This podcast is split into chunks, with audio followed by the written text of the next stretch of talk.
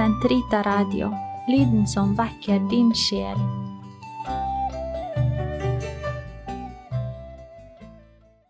Kroppens teologi, en kommentar til pave Johannes Paul 2.s onsdagskatekeser av Eirik Ambrosius Stenhoff.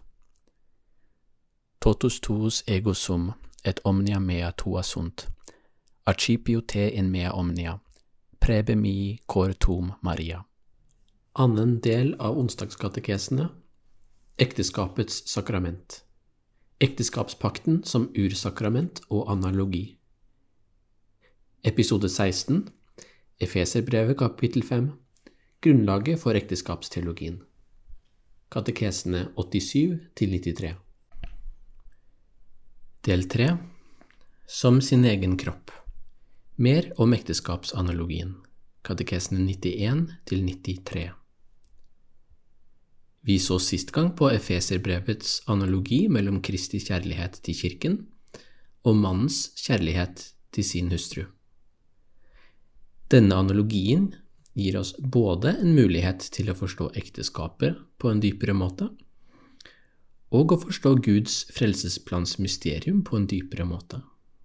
Vi kan kanskje si at analogien lar oss både forstå menneskelig og guddommelig kjærlighet bedre, og at menneskers kjærlighet til hverandre har sin forankring i Guds egen kjærlighet til menneskene.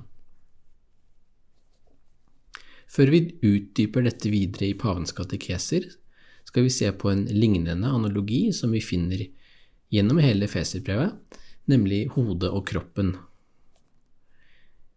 I første kapittel av Efeserbrevet leser vi at Kristus er hodet til kirken, som er hans legeme. I Efeserbrevet kapittel 5 vers 23 anvendes dette som en analogi på ekteskapet mellom mann og kvinne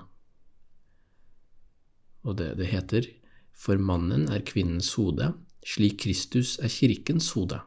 Han er frelser for sin kropp. Hvordan skal vi tolke dette, dette bildet, analogien? Grunnbetydningen, sier paven, er at kirken mottar alt hva hun er, fra sitt hode, som er Kristus. Hun har mottatt frelsen frelsesgaven fra Kristus, som ga seg selv for henne, som vi leser i vers 25. Og det er som kirkens forløser at han også er brudgom for sin brud. Og slik knyttes de to bildene sammen. Og I dette uttrykket blir Kristi frelsende kjærlighet eh, forvandlet, sier paven, til ekteskapelig kjærlighet. Paven sier her, sitat, ved å gi seg selv for kirken, gjennom den samme frelsesgjerning, har Kristus forent seg en gang for alle med henne som brudens brudgom. Sitat slutt. At Kristus er kirkens hode, betyr, med andre ord, at hele frelsens gave strømmer fra ham og fyller hele kirken, kroppen. Og Her har vi samtidig et grunnlag for en ekteskapsanalogi og et bilde på hvordan ektefellene gir seg selv til hverandre i kjærlighet. Så la oss se litt nærmere på sammenhengen mellom hode-kropp-analogien og ekteskapsanalogien. Paven leser Efeserbrevets formulering om at mannen er kvinnens hode, som et ekko av skapelsesberetningen,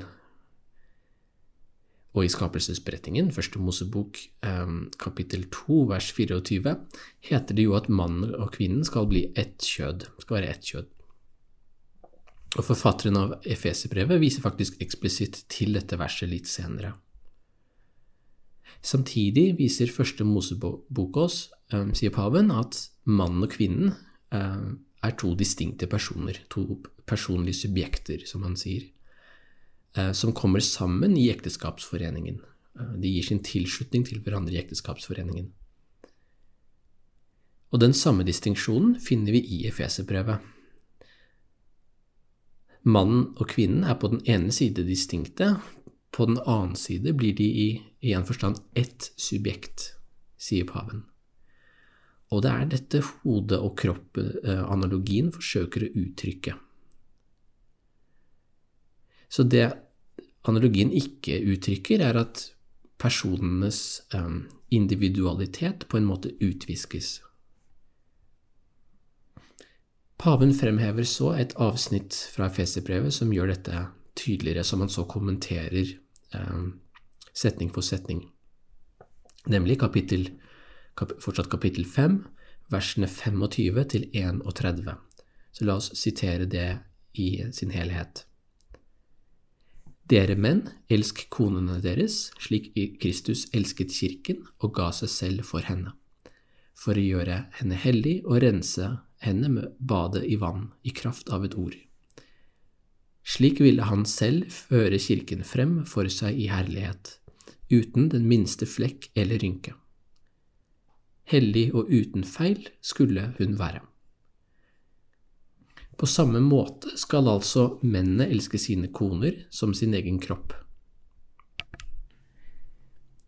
Den som elsker sin kone, elsker seg selv. Ingen har noen gang hatet sin egen kropp.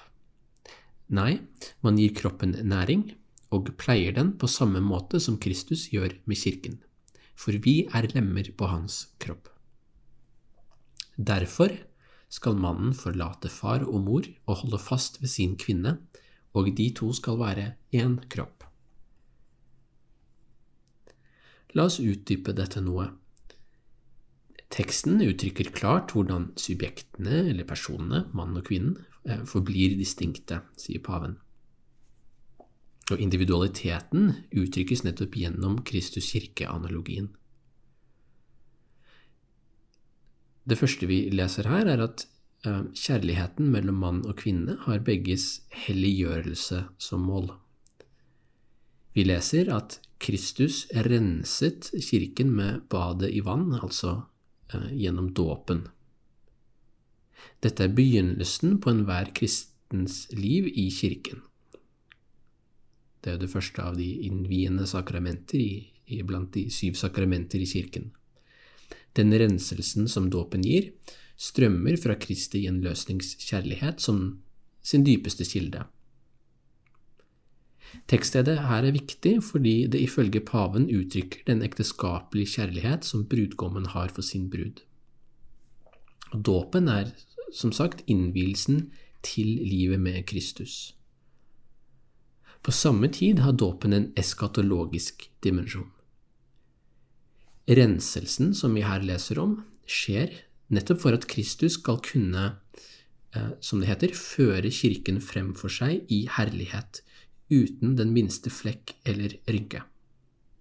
Og disse ordene, å føre frem for seg, påpeker paven, gir assosiasjoner til det øyeblikket i bryllupet, særlig i det eh, antikk, antikkens kultur, der bruden føres til brudgommen iført brudekjolen.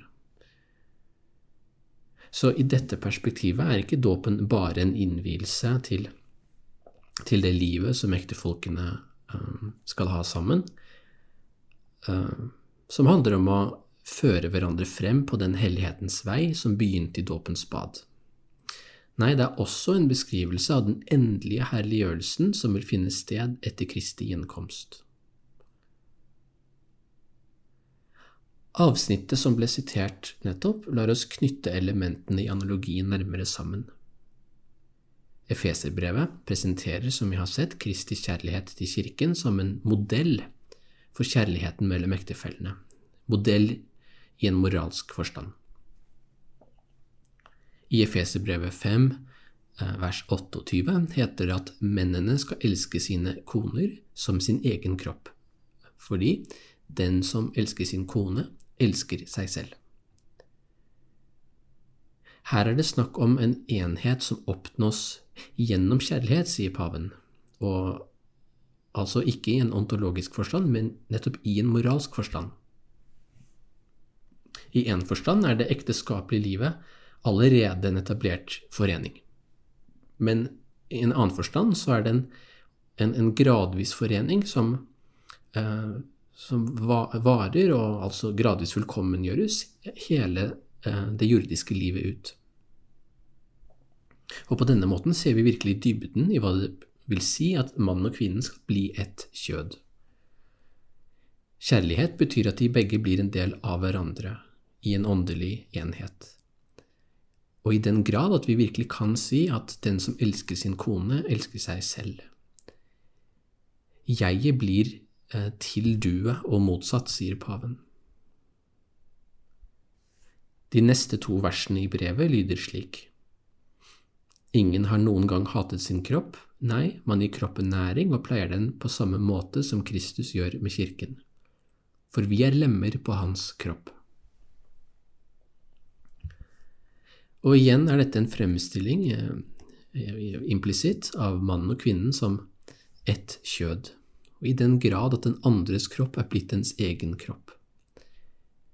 Og vi kan tilføye her at det er lett å misforstå språket både i Første Mosebok, skapelsesberetningen og i Feserbrevet. Og i vår tid har vi en tendens til å tenke utelukkende kroppslig eller seksuelt om disse avsnittene. Men sammenhengen viser at Altså selv om kroppen er en bærende metafor innenfor analogien her, så leser vi faktisk her ikke først og fremst om en kroppslig, men om åndelig kjærlighet, det vi kaller agape. Hvordan skal vi så forstå setningen om at man eh, gir kroppen næring og pleier den på samme måte som Kristus gjør med kirken? Paven viser til eh, bibelforskere som mener at henvisningen her er til eukaristien, som eh, Kristus nærer kroppen, altså kirken, med. Og det setter oss iallfall i retning av poenget.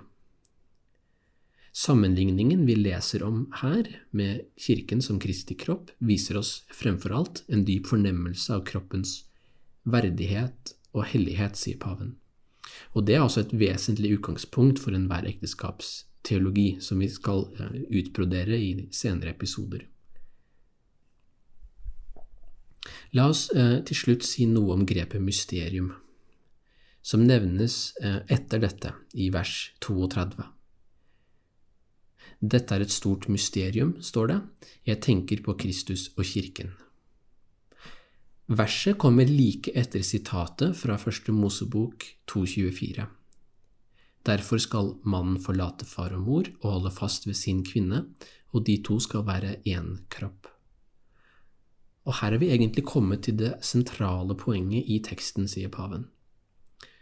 Og Sammenhengen mellom de to tekstene er av stor betydning. Vi skal utdype dette i hele neste episode. Hensikten er ikke her først og fremst å peke på hvordan mannen og kvinnen var skapt fra begynnelsen, men å presentere denne relasjonen, den skapte relasjonen, mellom dem i lys av Kristi mysterium i kirken. Paven sier her at ekteskapet befinner seg både i begynnelsen og i tidenes fylde. Innenfor Guds frelsesplan er ekteskapet, kan vi si, både den mest opprinnelige åpenbaring av Guds kjærlighet, men det er også en del av den endelige åpenbaringen, som Efeserbrevet formulerer som følger. Kristus elsket kirken og ga seg selv for henne. Kanskje kan vi si det slik, i lys av Kristi åpenbaring ser vi både hvordan ekteskapelig kjærlighet har en guddommelig dimensjon, var en del av frelsesplanen, men også hvordan Kristi kjærlighet har en ekteskapelig dimensjon. Analogien mellom Kristus og kirken og ekteskapet er til syvende og sist begrunnet i Guds evige plan for oss, som er beskrevet alt i første kapittel av Efeserbrevet. Derfor kan forfatteren med rette utbryte at dette er et stort mysterium, på gresk et megamysterion. Ordet mysterium i Det nye testamentet betegner nettopp det som har vært skjult hos Gud fra opphavet av, men som er blitt åpenbart for oss i historien. Paven sier at det Gud har ønsket å gjøre for oss gjennom sitt ord, ikke bare er å formidle godt nytt, altså evangeliet, om frelsen, men å samtidig begynne arbeidet på frelsen. Det er nettopp her vi finner ekteskapet lokalisert. Ekteskapet er der fra menneskets begynnelse av, men det er også en integrert del av den nye pakten i Kristus. I den neste episoden skal vi fortsette refleksjonen over forholdet mellom sakrament og mysterium, og vise hvorfor ekteskapet innenfor frelsesøkonomien kan kalles for selve ursakramentet. Gloria patri et filio et spiritui sancto, sicut erat in principio et nunc et semper, et in secula seculorum. Amen.